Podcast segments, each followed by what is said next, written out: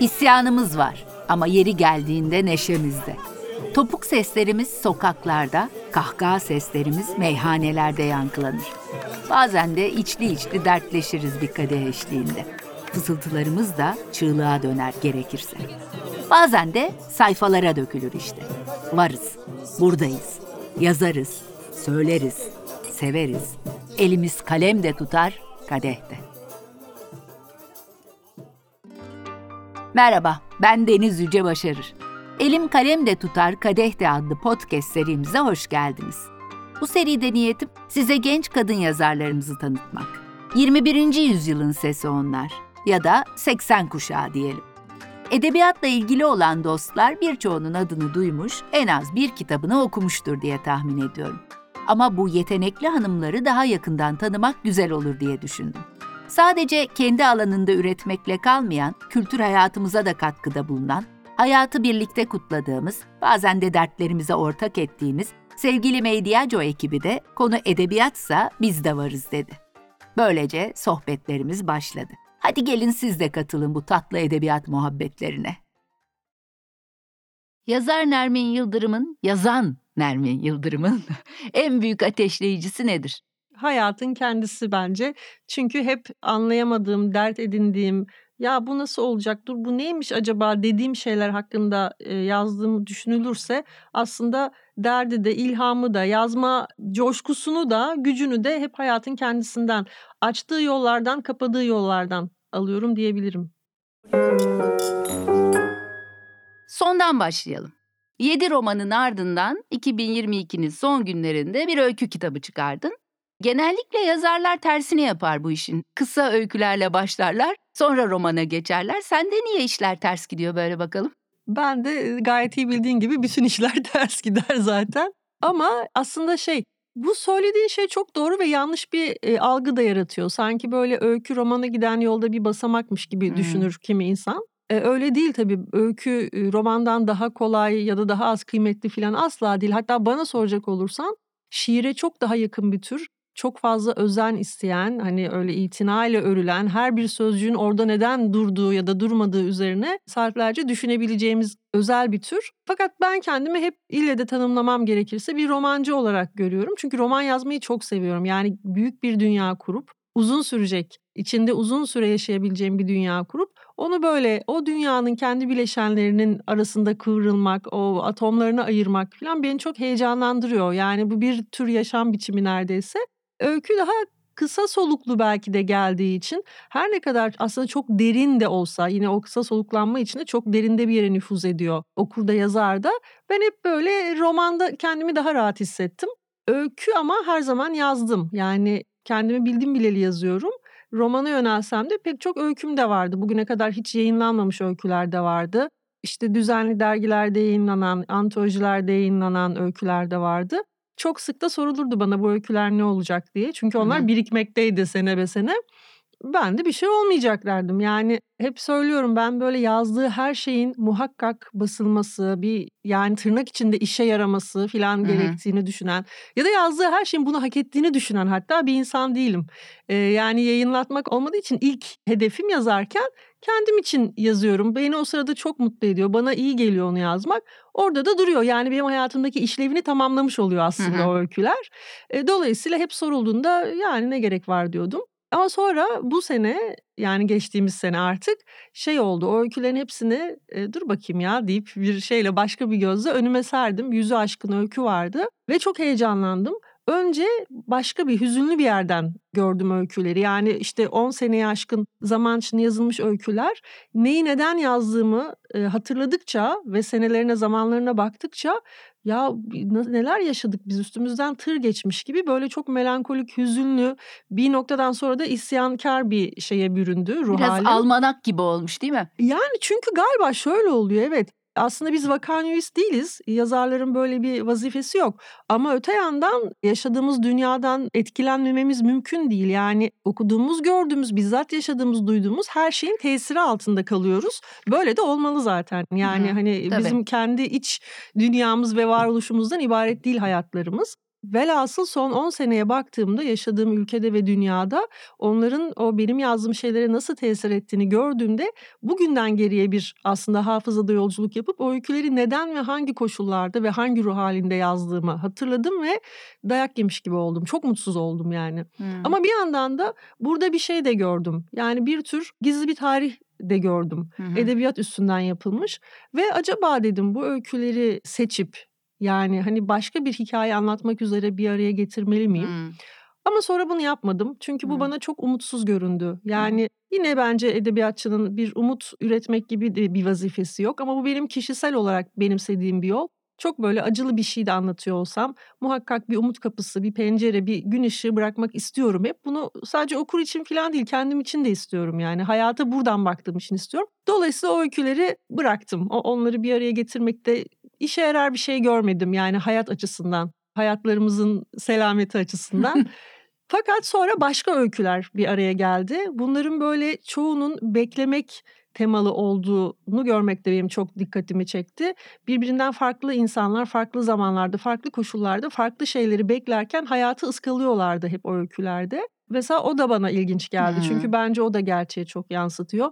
Hayat şöyle bir şey ya işte o mutlu olacağımıza inandığımız o meçhul anı beklerken aslında Geçip gidiyor. Evet tam da geçip giden şeyin adı hayat. Yaşanan şeyin mi acaba yoksa geçip giden şeyin mi? İşte o geçip gidişin öyküleri vardı orada. Onların da başka bir öykü anlattığını düşündüm. İçlerinden bir kısmını çektim. Sonra o öykülerin bana yazdırdığı yeni öyküler oldu. Hmm. En baştaki novella bunlardan biri. Hatta aslında sadece girişteki öyküyü yazacaktım. Belgin'in anlattığı Babam Beni Aldatıyor'yu. Sonra Belgin'i bitirince babasının bu konuda ne düşündüğünü çok merak ettim. Babayı bitirince annenin sözlerini dinlememek hiç olmazdı. Aslında asıl hikaye onun hikayesiydi çünkü. Anne de konuştu. Sonra bir baktım bir novella olmuş. Demek ki roman yazmayı çok özlemişim. Bu çıktı yine ortaya. Evet yine öykü kitabı diye oturup işi uzattım diyorsun. Evet yani tam olarak böyle oldu. Ama bu yani mesela bu o son novella ayrı bir belki bağımsız bir şey de olurdu ama diğer öyküler onu çağırdığı için hiç onları ayırmak içimden gelmedi. Hı hı. Bunları zaten böyle el ele tutuşmuş, birbirini çağırmış, birbirini tamamlayan hatta sırayla okunduğunda daha da başka bir anlam ifade eden öyküler e, gibi bakıyoruz. Sen de gayet iyi biliyorsun. Özellikle 3. bölümdeki öyküleri seçerken sana da sıklıkla fikrini sordum. Öyle bir araya geldi bu kitap. Yani ben onu yapmayı çok planlamadım, çok düşünmedim. O kendi kendine aslında oluş ben karar verdikten sonra kendi kendine oluşturan bir kitap Hı oldu. hı. E, Çok da güzel oldu. Roman ve öykü arasında yazarken yazar için nasıl bir fark oluyor? Yani zannediyorum şeyle ilgili bir fark var. Şimdi öykünün sınırları biraz daha keskin. Öyküde gevezeliğe hiç yer yok. Hı. Bense geveze bir insan ve geveze bir yazarım. Ama bu şu demek değil. Romanda da böyle yani burası da senin meydanın arkadaş. Şu gez toz eğlen gibi değil tabii yani orada da başka bir e, bir sürü başka Tabii. şeyi gözetiyorsun. Ama roman bana kendime dert edindiğim mevzuları sorgulayacak bir alan yaratıyor. Öyküde ben biraz öykünün emrindeyim. Hmm. Romanda ise e, o alanı esnetebiliyorum. E, yani neden roman yazdığım sorusuyla çok ilintili bu. Ben böyle hep şunu söylerim. Bildiğim için yazmıyorum. Bildiğim bir şeyi anlatmıyorum. Zaten hiçbir şey bilmediğine çok emin bir insanım hayatta. Anlamak için yazıyorum. Onun için de hani böyle bir arkadaşınla konuşurken kendi zihnindeki şeyleri bir tasnif edersin. Doğru yerlere, çekmecelere koyarsın, sıraya koyarsın, anlarsın. Benim için yazmak öyle bir şey.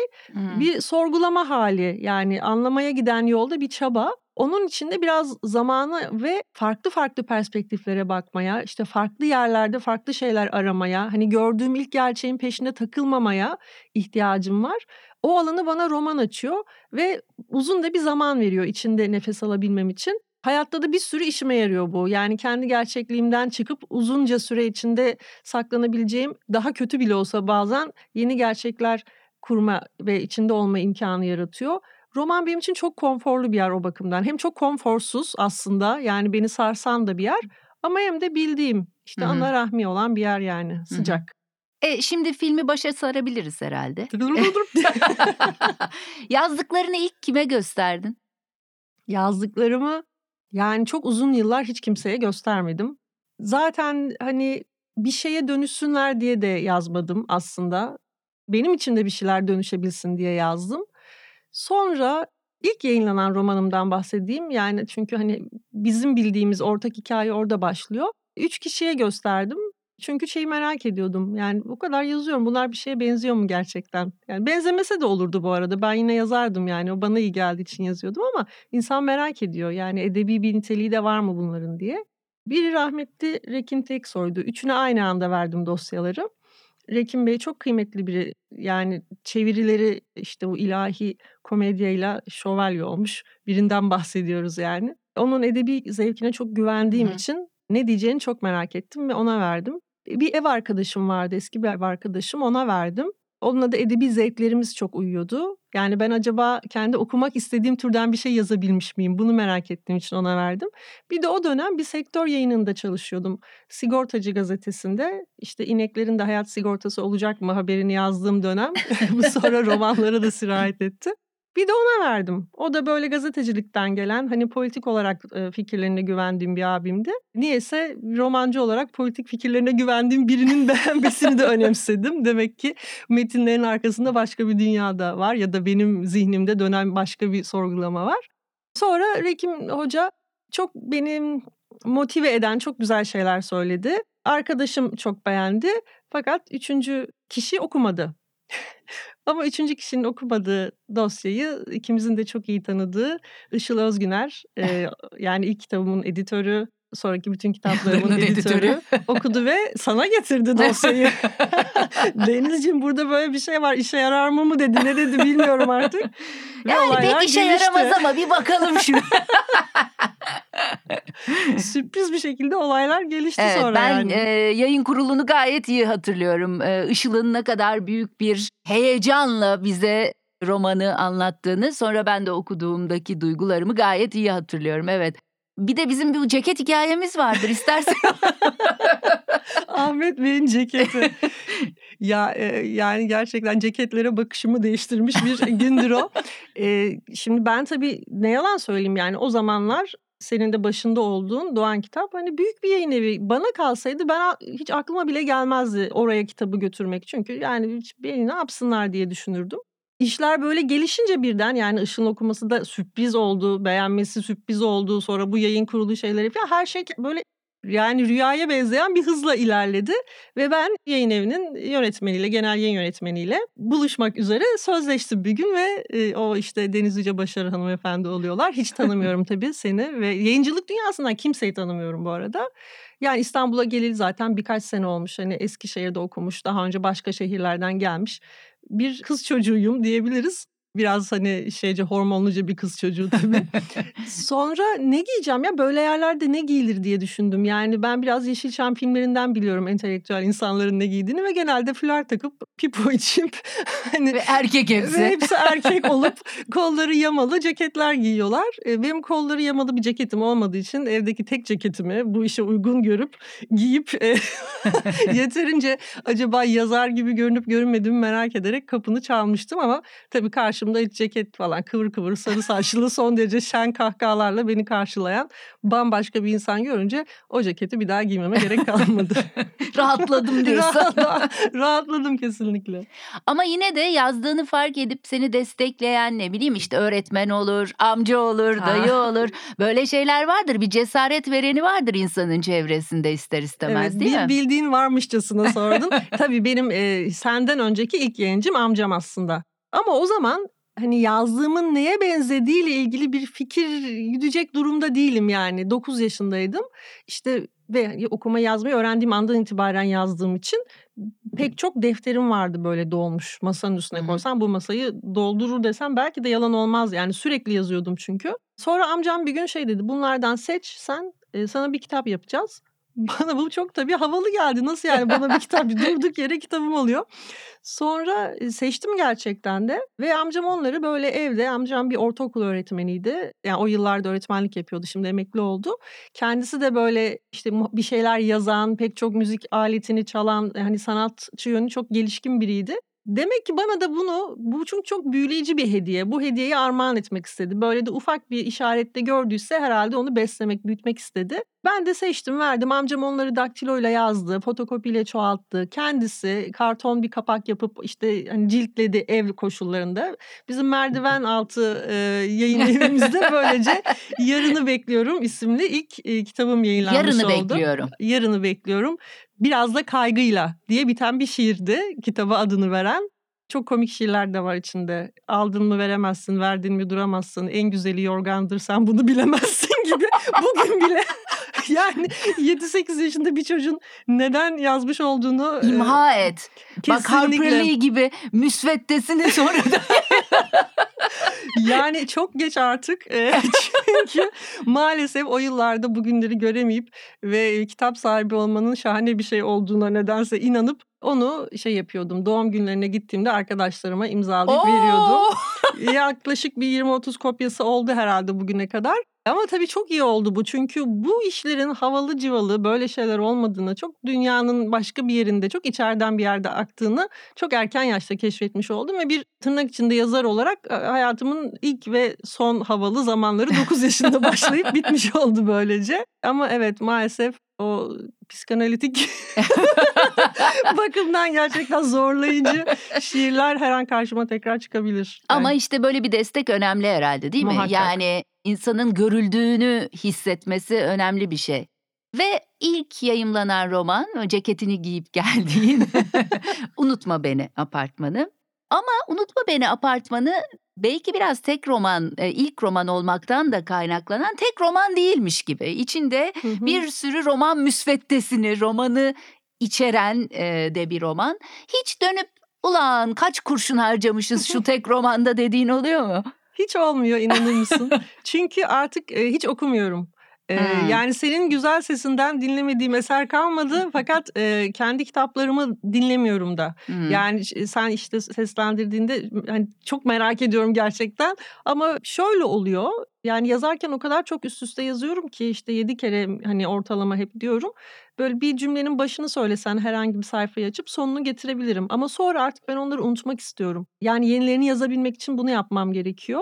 Bir de sonsuza kadar değiştirmek isteğiyle doluyorum. Yani bir Hmm. yerde aslında artık romana müdahale etmemek lazım. Ben orayı anlıyorum, seziyorum, duruyorum.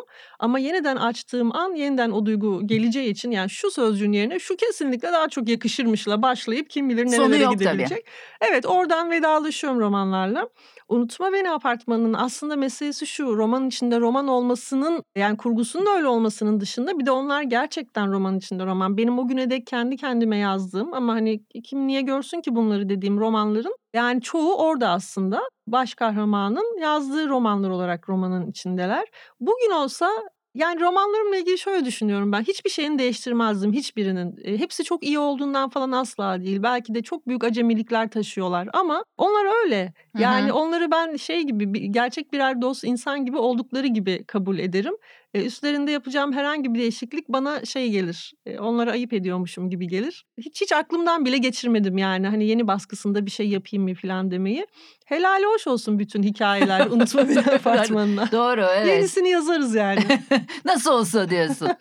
Ee, Süreyya ile başlayan bir kadın karakterler geçidi var aslında senin yedi romanında da. İşte arada tabii erkekler de var yani Rüyalar Anlatılmaz'da Eyüp var mesela ki aslında onun hikayesi bizi en belirleyen ama orada Müesser de var, Pilar da var. Saklı Bahçeler haritasında Rıdvan var ama esas hikaye aslında Suat'la Behiye Hı hı. e, etrafında dönüyor. E dokunmadanın adaletini ben özellikle nasıl unutabilirim? E, misafirin esini var, rikkati var, evin seheri var falan böyle e, unutma derslerinin feribesi var. E, bir çeşit akrabalıkları var değil mi bu kadınların? Var var yani onlar aynı dünyanın mahsulü.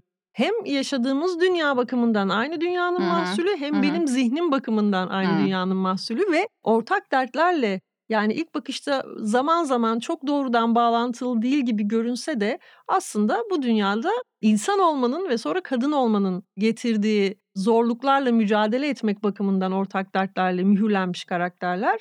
Kadın olmaları da hiç tesadüf değil tabii. Yani çünkü bilmiyorum fark eden var mı? Biz kadınlar da bu dünyada yaşıyoruz.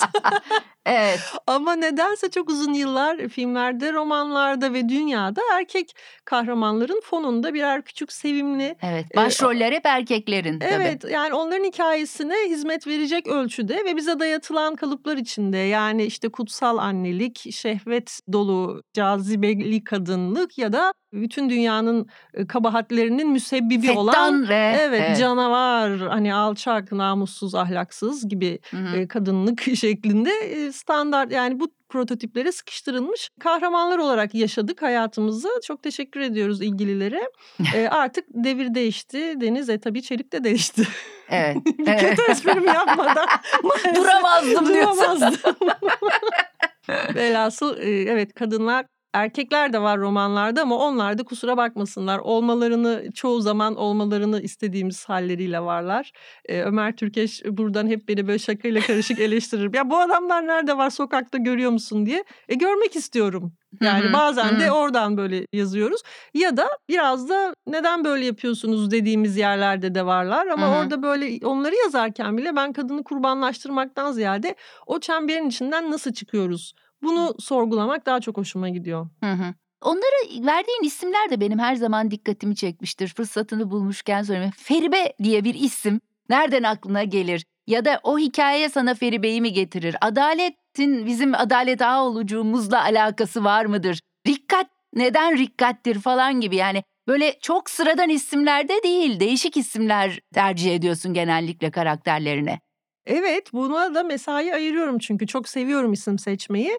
Ya benim evimde hep böyle bir çocuk, kocaman bir çocuk isimleri sözlüğü masanın üstünde durur ve eve gelen herkes hamile olduğumu düşündü yıllarca yani bitmeyen bir hamilelik süreci. Ee, ben sürekli isim bakarım. Yani Hmm. anlamlarına bakarım, seslerine bakarım, başka isimlerle bağlantılarına bakarım. İsimleri de hep özenle seçerim. Yani mesela Feribe'nin anlamına baktığımızda hikayede yani insanın ismiyle karakter arasında bir bağ varsa eğer bu bir kader gibi mühürleniyor da olabilir üstümüzde bir baskı oluşturuyor da olabilir tersten de bir şey dayatıyor olabilir filan filan onun anlamı değişiyor ya da pekişiyor. Rikkat de Rikkat'in karakterini tanıdıkça yine yeniden bir anlam kazanıyor. Yani bazen işte böyle anlamlarına göre bazen de mesela işte 80'li yıllarda geçen bir hikayede Hı bir çocuğun adının Kenan olmasıyla Mahir olması arasında epey bir fark var. Onun yaşadığı aileyle ilgili bir bilgi hı. veriyor. Bir şey söylüyor bize. Evet yani bu isimler her zaman konuşuyor bana. Evet doğru. Sen bana yaşına göre hep olgun bir anlatıcı gibi gelmişsindir. Yani kendi jenerasyonundan değil de sanki bir önceki kuşaktan, bizim kuşaktan da beslenen bir anlatıcı gibisin. Yani hikayenin arasında çıkan şarkılar, sanatçılar, e, ne bileyim bir dizi, bir deyim bana hep daha yaşlıyım. Sana yaşlısın kızım demek istemiyorum ama. e, Ben de yaşlandım dediniz.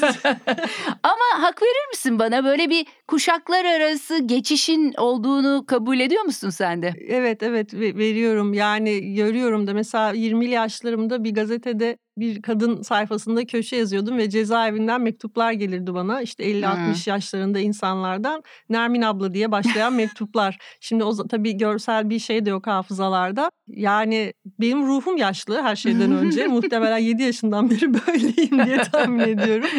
Ee, bir de galiba insan biraz da böyle kendine ait hissettiği bir zaman oluyor herhalde insanın. Bunun üstüne çok düşünmüyorum ama mesela 2000 benim e, şarkı hafızam çok iyidir. Yani Hmm, hafızam genel hmm. olarak çok kötüdür ama şarkıları hatırlarım. Romanlarımdaki bir kahraman da şimdi söylemeyeyim kim olduğunu mesela bu özelliği taşıyor.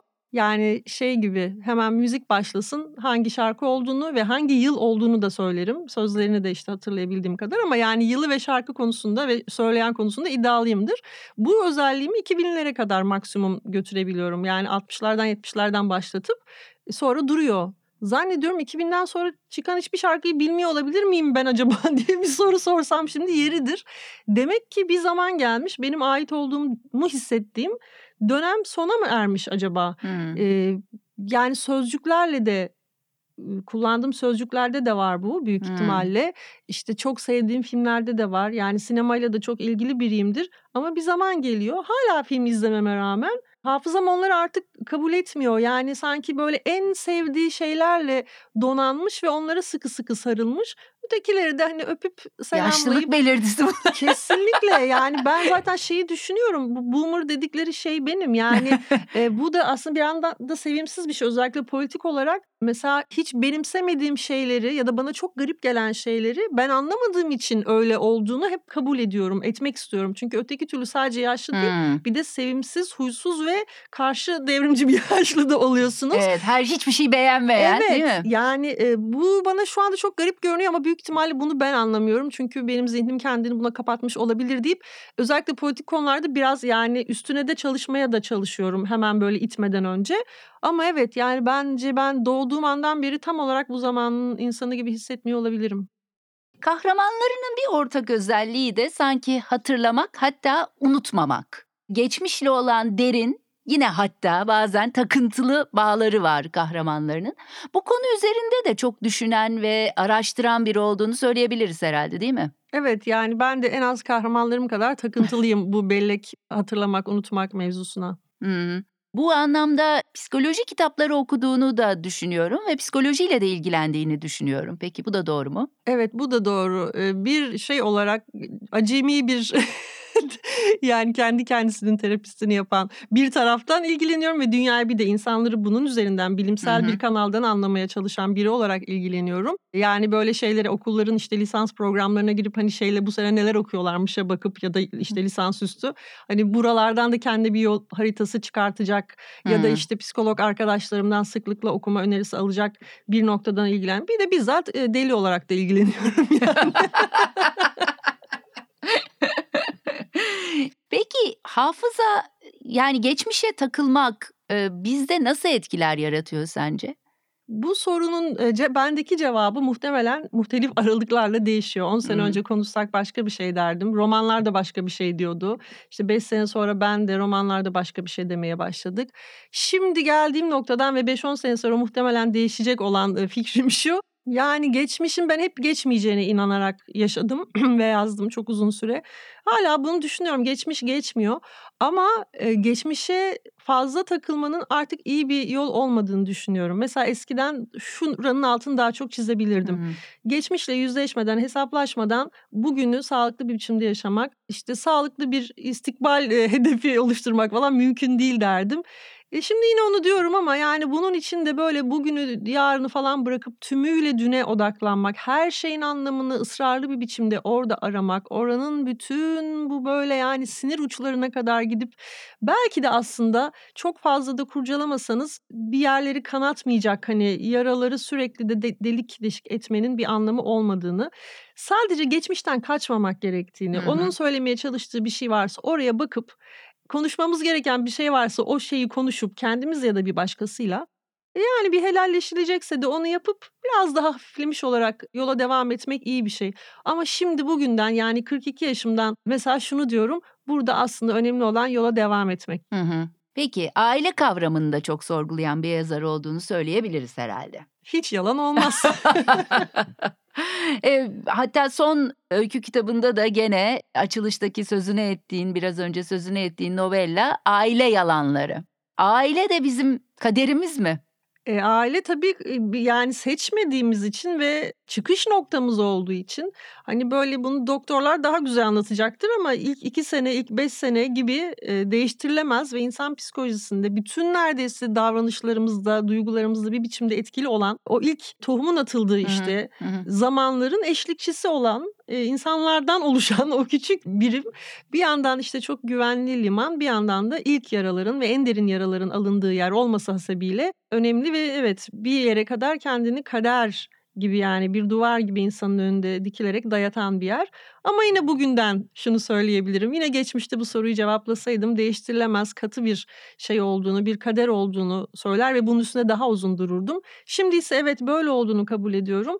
Ama insanın kendi kaderini başlangıç noktasında değilse de biraz daha hareket edebilir hale geldikten sonra biraz yönünü değiştirebileceğini, şanssızlıkları, bahtsızlıkları olsa da bunları fark ettikten sonra yeni manevralar yapabileceğini düşünüyorum. Seçilmiş aileler, arkadaşlar, dostlar ya da ailemizin bizi yaralamayacak kısmıyla daha derin ilişkiler kurmak ya da o ilişkileri yine devam ettirsek de bizi yaralamayacak bir forma büründürmek filan gibi aslında bir takım küçük olanaklarımız var. Dediğim gibi bu konuda da eskisinden daha az. Yani herhalde benim eskiden bakışım biraz daha kurban belki perspektifiydi. Hı. Şimdi biraz onunla yani kabullenmiş ama e, hafiflemiş bir yerden bakabiliyorum galiba bu mevzulara. Hı hı. Ev için yani 7. romanın için e, bir puzzle'ın son parçası uzun bir hikayenin son cümlesi demiştin. 7 romanlık bir hikaye bu. Hatta sanırım araya bir öykü kitabı katarak da tam bir kapanış mı yaptın yoksa yeni bir açılış mı yaptın?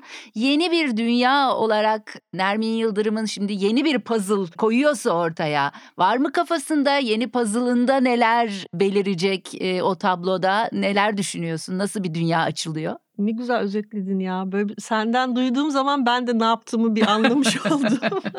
yani şöyle ben evi yazarken başlarken böyle bir şey hedeflememiştim. Hı hı. Ama e, senin de çok iyi bildiğin gibi aslında benzer mevzulara farklı perspektiflerden bakarak bütün bu romanlar boyunca hep aynı şeylerin peşinde koşuyordum. Yani bir cevap arar gibi miydim? Bazen şey derler işte yani yazarlar yazarmış böyle işte binlerce sayfa aslında tek bir cümleyi kurmak için. O cümlenin mi peşindeydim bilmiyorum. Bu arada o cümleyi bulamadım onu baştan söyleyeyim. Ee, ama e, yani evi yazarken başka bir şey hissettim. Bir yazma motivasyonumun değiştiğini hissettim her şeyden önce. O konuları yazma motivasyonumun daha de, daha mesafeli bir yerden yazmaya başladığımı hissettim ve roman bittiğinde de çok garip bir ferahlama duydum. Sanki şöyle hissettim. Yani yazmayı çok seviyorum ben ve sabahları yataktan yazacağım için mutluluk duyarak kalkıyorum. Yani birine aşık olursunuz. Yeni aşkın böyle en cıvıltılı zamanlarıdır ve biraz sonra onunla buluşmaya gitmek üzere uyanmanın verdiği duyguya benzeyen bir duyguyla uyanıyorum gerçekten. Yani ne olursa olsun hep yazacağımı bildiğim için sadece şunu hissettim. Evet yazacağım ama artık böyle yazmayacağım. Bir şey oldu. Ben bir şeyle helalleştim. Daha farklı bir mesafeden bakıyorum. Bu şey değil. Ben bazı konuları açtım ve anladım. Asla değil. Hiç hayatta hı. en son söyleyeceğim şey bu olabilir yani. Hiçbir şey aşamayıp hiçbir şeyi anlayamamakta ısrarcıyım. Ama bir şey bir kapıyı kapattım. Yani o yedi roman bir şeyse bir evse Hı hı. ben onun dış kapısını kapattım evle birlikte ve hatta galiba böyle bir kilit bile vurmuş olabilirim üstüne. Ama içeride herkes huzurlu ve mutlu. Kim gözü yaşlı kimseyi bırakmadım. O yalan olur. Gözleri yaşlı olabilir. Hayatın bir parçası yani. Bir ağlıyoruz, bir gülüyoruz. Ama biraz önce söylediğin gibi herhalde her şeyi olduğu gibi kabullenip kapattın evet, kapıyı. Evet, yani güzel bir duygu var. İçeride Hı, böyle bir hafif hı. ıhlamur kokusu, işte böyle bir sarı bir ışık akşamları. Güzel, herkes olması gerektiği gibi her şey. Ve çok heyecanlandım. Yani şimdi ne yazacağım? Demek ki ben yeni bir şey yazacağım ve bunu ben de bilmiyorum. İlk defa ben de bilmiyorum. Bu müthiş bir duyguydu. Oraya bir zaman koymam gerektiğini çok iyi biliyordum. Yani sonraki roman hemen arkasından yazmamam gerektiğini. Onun için arada bir dolu başka şey yaptım. Bu öykü kitabında kendi adıma şey gibi düşünmüştüm. Yani o geçmiş 10 senenin zaten bir tür Z raporu gibiydi öykü anlamında. Başta bir anlam vermemiştim aslında. Yani bu puzzle içinde bir yeri olduğunu düşünmemiştim. Puzzle bitti zaten hı. evle gibi düşünmüştüm. Ama ne zaman ki aile yalanlarını yazmaya başladım. Yani öykü bana kendini aslında dayattı. Küçücük hı. bir öyküyken bir novellaya dönüştü. Abi baktım aynı konuyu yazıyorum ama bambaşka bir yerden yazıyorum. Yani bence çok daha hafiflemiş bir yerden yazılmış bir öykü o. Sanki biraz daha yukarıdan yani herkesin de söylemek istediği şeyi daha can kulağıyla dinleyerek, Hmm. herkesi de anlayarak Farklı perspektiflerden bakabilerek yani Evet, gibi. evet. Hı. Yani bu daha önce de yapmaya çalıştığım bir şeydi ama bu kadar serin kanlı bir mesafeden yapamıyordum bence. Hı hı. Eee, herkesi dinleyip hepsinin yani hatasını, kabahatini de görerek ama onların açısından bakıp hak da vererek daha da önemlisi benim açımdan çünkü ben mizaha çok önem veriyorum. Bir acı bir şey anlatırken yani doğru kanaldan anlatmak önemli. Ahlaki olarak da öyle.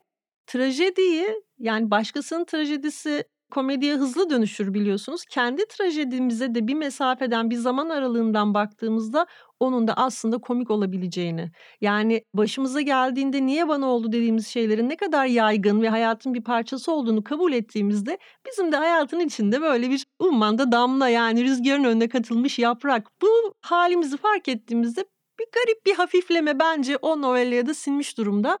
Benim için şöyle bir anlamı var bunun. Bence işte o yeni açılacak dünyaya giden koridor, tünel Hı. oradan geçiyor. O oranın rüzgarından geçiyor. Biraz daha hafif mi olacak yani? Ben bence biraz daha olayları Hımm. daha hafifseyerek bir kere yaşayacağım için anlattığım şeylerde de bu hafiflik duygusu şey yani Konuların belki yine benzer olabilir. Dünyada dert ettiğim şeyler yine benzer olabilir ama onları ele alırken bence biraz daha kalbi hafiflemiş biri olarak. Hımm. Bu da belki biraz daha şefkatli olmak da demek olabilir. hı. Anlamaya çalışmak demek de olabilir. Onu ben de yazarken göreceğim. Çok Göreceksin. heyecanlıyım. Peki, biz de heyecanlıyız efendim. Biraz önce söyledin, mizah meselesi senin, eee, bütün eserlerinde aslında, bütün romanlarında çok ağır basan bir şey. Yani karakterlerin aslında o 7 romanda da çoğu kendileriyle dalga geçiyor. Eee, kendileriyle dalga geçebilme gücüne sahipler. Yani bir savunma mekanizması olarak mı mizah? Evet, evet. Bir direniş biçimi olarak, bir savunma mekanizması olarak, aman onlar gülmeden önce ben güleyim, eee, telaşı olarak artık adına ne dersek diyelim kahramanlar böyle, hı. aslında kullanıyorlar mizahı. Bense yazan kişi olarak şöyle düşünüyorum mizahla ilgili. Bazen çok hassasiyet de gerektiren, zaten oluşu itibariyle acı durumları yazıyorum. Hı. Şimdi bu durumları kanırtmak, oradaki acının defalarca altını çizmek bana ahlaken yanlış geliyor. Şöyle gibi geliyor. Başkasının acısından ya da bana ait olmayan bir acıdan herhangi bir biçimde nemalanmak istemiyorum ben. Bunu ahlaki olarak çok çok çirkin buluyorum. Dolayısıyla böyle konuları anlatırken orada benim güttüğüm bir hassasiyet var. En çok oralarda zorlanıyorum. Mesela Rüyalar Anlatılmaz'ın finali ne doğru olan bir kısım var. Yazarken en çok belki bugüne kadar yazdığım şeyler içinde en çok zaman ayırdığım olabilir. Bir hata yapmaktan çok korktum. Bir şeyi tetiklemekten, Hımm. bir şeyi kanırtmaktan, bir şeyi yeniden üretmekten. Onun için böyle şeylerde bir reaksiyonum var zaten. Mizah da buralarda yani hafifletmek ama tabii şey hafifletmek değil böyle çok hassas konularda onun dalgasını geçmek gibi değil. Ama tersten bazen de anlatmak. Hı hı. Yani, eee, onun işte o zaten acı olan bir şeyi iyice böyle posasına kadar sömürmemeyi, hani, hedefleyen bir yerden bir anlatım biçimi oluşturmak için kullandığım bir şey. Bir de, eee, tabii yani bazen şöyle de bir şey var. Ben boşluklara da çok inanıyorum. Kahkahaya da çok inanıyorum ve kahkahanın aslında acıklı bir şey olduğunu düşünüyorum zaman zaman. Anlatılan değil, anlatılamayan beni her zaman daha çok üzmüştür. Yani Hımm. bir şey sözcüklerle hafiflediğinde zaten rahatlar, ferahlar, kan akar yani zehir akar. Ama böyle boğazda düğümlenmiş bir sözcük, orada kaldığını bildiğimiz o son cümlenin içinde söylenemeyip içeri atılmış sözcük bir tebessümle noktalanmaya çalışılan yani o sözcük işte aslında anlatılmayan her şey o romanın kalbidir bazen. Benim romanlarımdaki tebessüm çoğu zaman da o son içe atılmış sözcüğün tebessümü. Yani, Hımm. onu okuyoruz ve niyeyse hem gülüyoruz ama bir yandan da içimizde buruk bir şey kalmış oluyor. Hı hı. Bizim seninle bir kader arkadaşlığımız daha var. İlk roman veya ilk yayıncın olmamın dışında ilk sesinim de galiba. Sen benim pek çok anlamda hem iç sesim hem dış sesim. Eee, yani bunu söyleşilerde artık bütün söyleşilerde çok sık duyuyorum. Şey diyorlar, "Sizin dergi yazılarınızı bile Deniz Hanım'ın sesinden okuyoruz." Bu arada bana da öyle geliyor. Yani ben de bazen kendimi senin sesinden okuyorum. Eee, tabii şimdi dinleyenler bilmez ama zaten senin sesine de çokça da ihtiyaç duyarım. Ne zaman başım sıkışsa, ne zaman bir şeyin içinden çıkamasam ilk aradığım insansın her zaman. Yani, eee, Tam bir iç ses olmuş tam bir durumda. iç ses, evet. Eee, yine Bavula Sığmayanların öykü Sığmayan'ın öykülerini seçerken de oradaki son bölümde de yine sana da danışmıştım yani o kadar bir iç ses. Şimdi, hani, ilk roman yayın yönetmenliği diyoruz ama biz aslında birlikte 5-6 Eee, kitap yaptık. tabii Şey yaptık. olarak, Evet. eee, hani, official dedikleri türden. Onun Evet, dışındakileri 6 de 6 kitabı beraber yaptık Yani Misafir'i de birlikte yaptık. Tabii, Evet. evet, doğru. Geriye kalan Evle Bavula Sığmayan onlarda da zaten sen hep yanımdaydın. Yani, hani, değişen bir şey olmadı aslında. Dolayısıyla senin sesin benim için pek çok ses. Bu sesli kitap mevzuunda ne düşünüyorsun? Yani benim sesimde olan dışında. Valla ben işte muhafazakâr aslında bir insanım. Va hani, başka zamana ait olma şeyinden hareketle söylersek normalde bunu herhâlde hiç benimsemeyeceğimi düşünürdüm bir süre öncesine kadar. Aynı şekilde, işte, e-book meselesine de çok mesafeliydim. Vay efendim ben kitabın kokusunu da mı almayayım? Yine 1600'lü yıllardan kalma alışkanlıklarımla. Eee, ama tabii çok sık seyahat eden ve hayatının yarısı Türkiye'de geçmeyen bir insan olarak bir süre sonra artık bu direnci kırmak zorunda kaldım ve önce, işte, elektronik kitap okumaya başladım. Sonra da ya şimdi nasıl olacak başkasının sesinden falan derken derken yani hayatımın çok ayrılmaz bir parçası hâline geldi sesli kitap. Yani her gün mutlaka dinliyorum, öyle söyleyeyim. Çünkü, eee, şimdi kitap okumayı çok seviyorum ama kitap okumak fiziksel olarak da bir şeyler istiyor benden. Tabii. Yani bir koltukta oturup bir kitaba ayıracağım zaman bir zaman. Onun dışında hayatıma devam etmem gerekiyor. Bir şeyler yapmam gerekiyor. Hareket haline geçmem gerekiyor. Hareket haline geçtiğimde kitabı kapatıyorum ve Storytel'i açıyorum ve sesli kitap dinlemeye başlıyorum. Yani benim için çok niye bu kadar uzun süre direnç göstermişim dediğim binlerce konudan biridir. Benim için çok çok şey oldu, fonksiyonel bir şey oldu. Çok büyük bir konfor oldu yani. 72 gün sonra bu gece, yılbaşı gecesinde çıkıp geldim anneannemi görmeye. Eskiden yaptığımız gibi yeni bir yıla daha beraber girmeye. Hani yeni yıla nasıl girersek bütün yıl. Hem biliyorum bana ihtiyacı olacak bu gece. Ölüler böyle şeyleri bilirler. Beyaz bir yorganın altına girmiş, rengarenk ışıklarla şenlendirilmiş uzun caddelerden, hür telaş sokaklardan, evlerin pencerelerinden sızan sarı ışıkların çapkınca göz kırptığı işveli mahallelerden geçtim. Noel Baba kostümlü piyango biletçilerini, köşelerde kokina satan çingene kadınları, geçe kalmış alışveriş torbalarını koşar adım eve yetiştirmeye çalışan aile babalarını, hayatlarının ilk kırmızı rujunu sürmüş genç kızları, iki dirhem bir çekirdek delikanlıları, kafasını gökyüzüne kaldırıp ağzını açarak kar tanelerini yutmaya çalışan afacan çocukları geçtim. Sonra hayaletleri, yıllar evvel bugün ölenleri, yeni bir yıla daha giremeyenleri. Kibritlerin cılız ışığında anneciğinin hayaline koşan kibritçi kızı ve son nefesini küçük torununun kulağına üfleyen büyük büyük büyük dedemidi. Böyle böyle nihayet anneannemin kapısına geldim. Kapıyı tıklattım, açtı. Zaten beklermiş gibi beni gördüğüne şaşırmamıştı. Kucaklaştık. Birbirimizin kokusuyla doldurduk ciğerlerimizi. Önce kafamı sıcak memelerine yasladım. Azıcık ağladım. Ağlamaya çalıştım. Gözlerimden bir damla olsun yaş akmadı. Ölülerden yaş gelmiyor. Nihayetinde kafamı kaldırıp camlaşmış puslu gözlerinin arkasına baktım. Orada sakladıklarından birkaçını görmeyi başardım. Mesela minicik bir sal, dalgalı koca bir denizin ortasında. Sonra yırtık pırtık bir ayakkabı teki. Bir gözyaşı damlası, birinin gözünden düşmüş, başka birinin yanağına. Bunca yıldır biriktirdiği her şey oradaydı.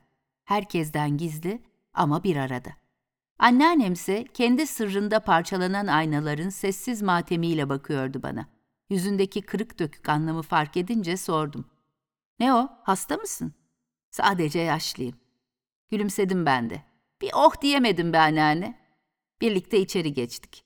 Yılbaşı sofrası hazırlanmamış, hatta günlük kullanıma amade papatya desenli plastik örtü bile masadan kaldırılmamış. Anneanne, bugün yılbaşı gecesi unuttun mu? Hani sofra nerede? Yılbaşı mı kaldı be oğlum? Olur mu yahu? Bak bütün yılı aç geçirirsin sonra diye takıldım ona. Aç mısın sen? Bir şeyler hazırlayayım mı?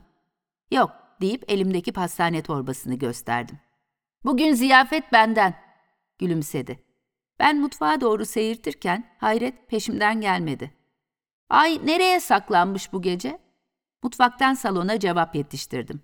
Ne ayı anneanne, görmüyor musun dışarıdaki tipi? Değil ayı millet birbirini bile göremiyor sokakta. Gelecek sene ayı göremeyeceğiz yani dedi. Tabii yeni yıla nasıl girersen. Sonra elimde minik bir çikolatalı pastayla girdim salona. Üstü muzlarla ve kırmızı mumlarla süslüydü. İyi ki doğdun anneanne. Şaşırdı, utandı, kızardı. Hayatı boyunca kimse doğum gününü kutlamamıştı. Ama dedi, yakışık alır mı ki? Biliyorsun bugün büyük büyük büyük deden ölmüştü, evet. Ama ölmeden 101 sene evvel doğmuştu da. Bu gece hem senin doğum gününü hem onunkini hem de yeni yılı kutlayalım olmaz mı?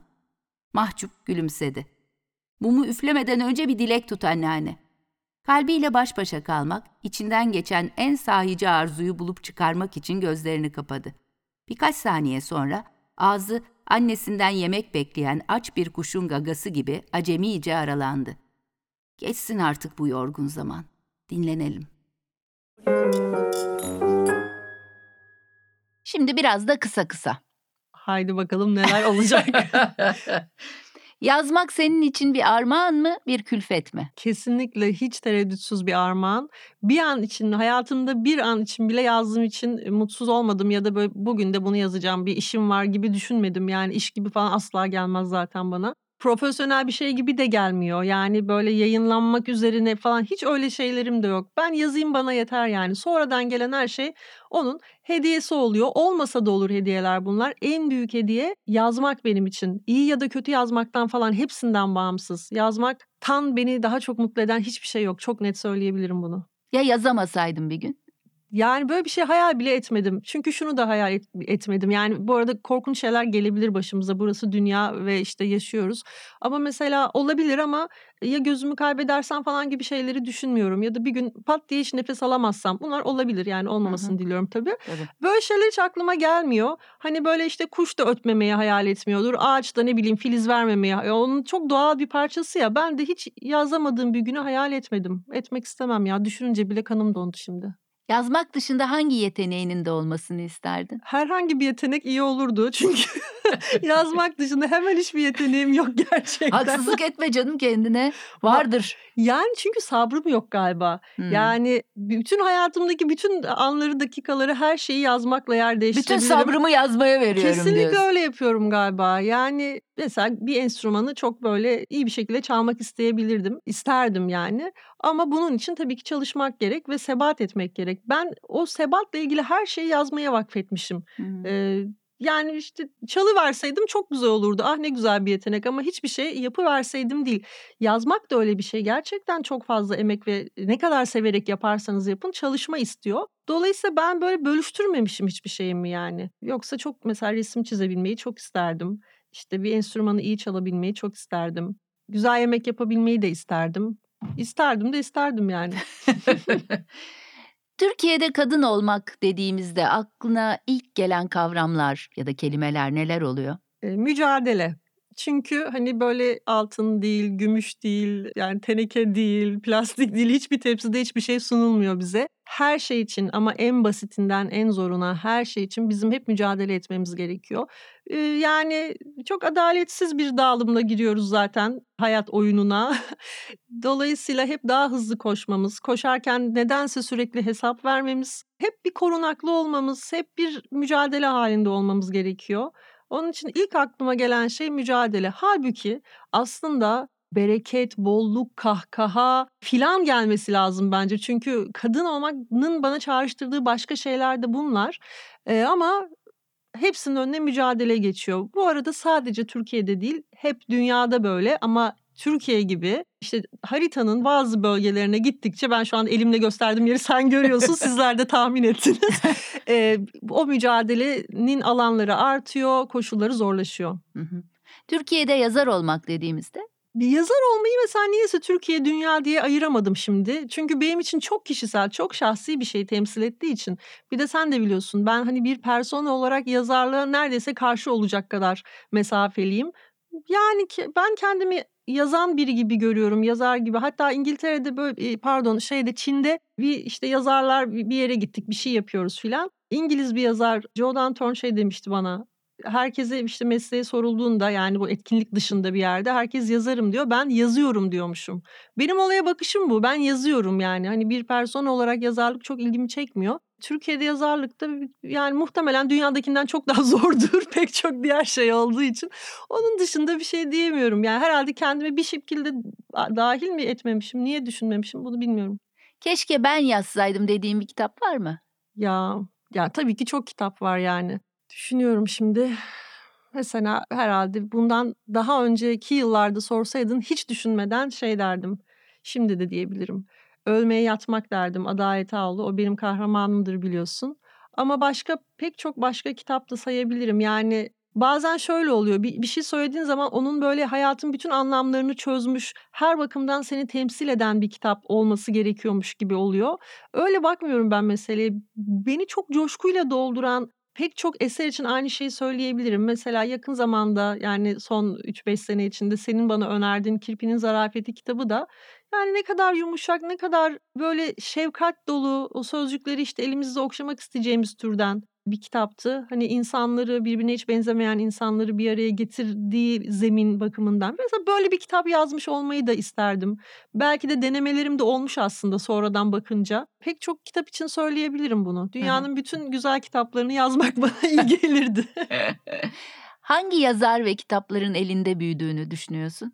Adalet Hanım'ın adını zaten şimdi andım. O benim için çok çok belirleyici olmuştur. Yani onun o topluma, insan anlamak için topluma bakan hali aslında kendi döneminin pek çok yazarı tarafından ve öncesinde ve sonrasında da denenmiş bir yol. Ama bence bendeki anlamı şu. Ben ilk defa onu okumuştum ve ben ilk defa onunla ayırmıştım. Sonra tabii başka çok yazarların da bunu çok başarıyla yaptığını gördüm ama ben de o düğmeye basan Adalet Hanım olduğu için onu çok önemsiyorum. Bir de bir çocukluk romanım var benim. Bence onun elinde de büyüdüm. Yani aslında şunu da söyleyeyim. Kendimden önce okuduğum ve hala okumakta olduğum bütün yazarlar benim ustalarım.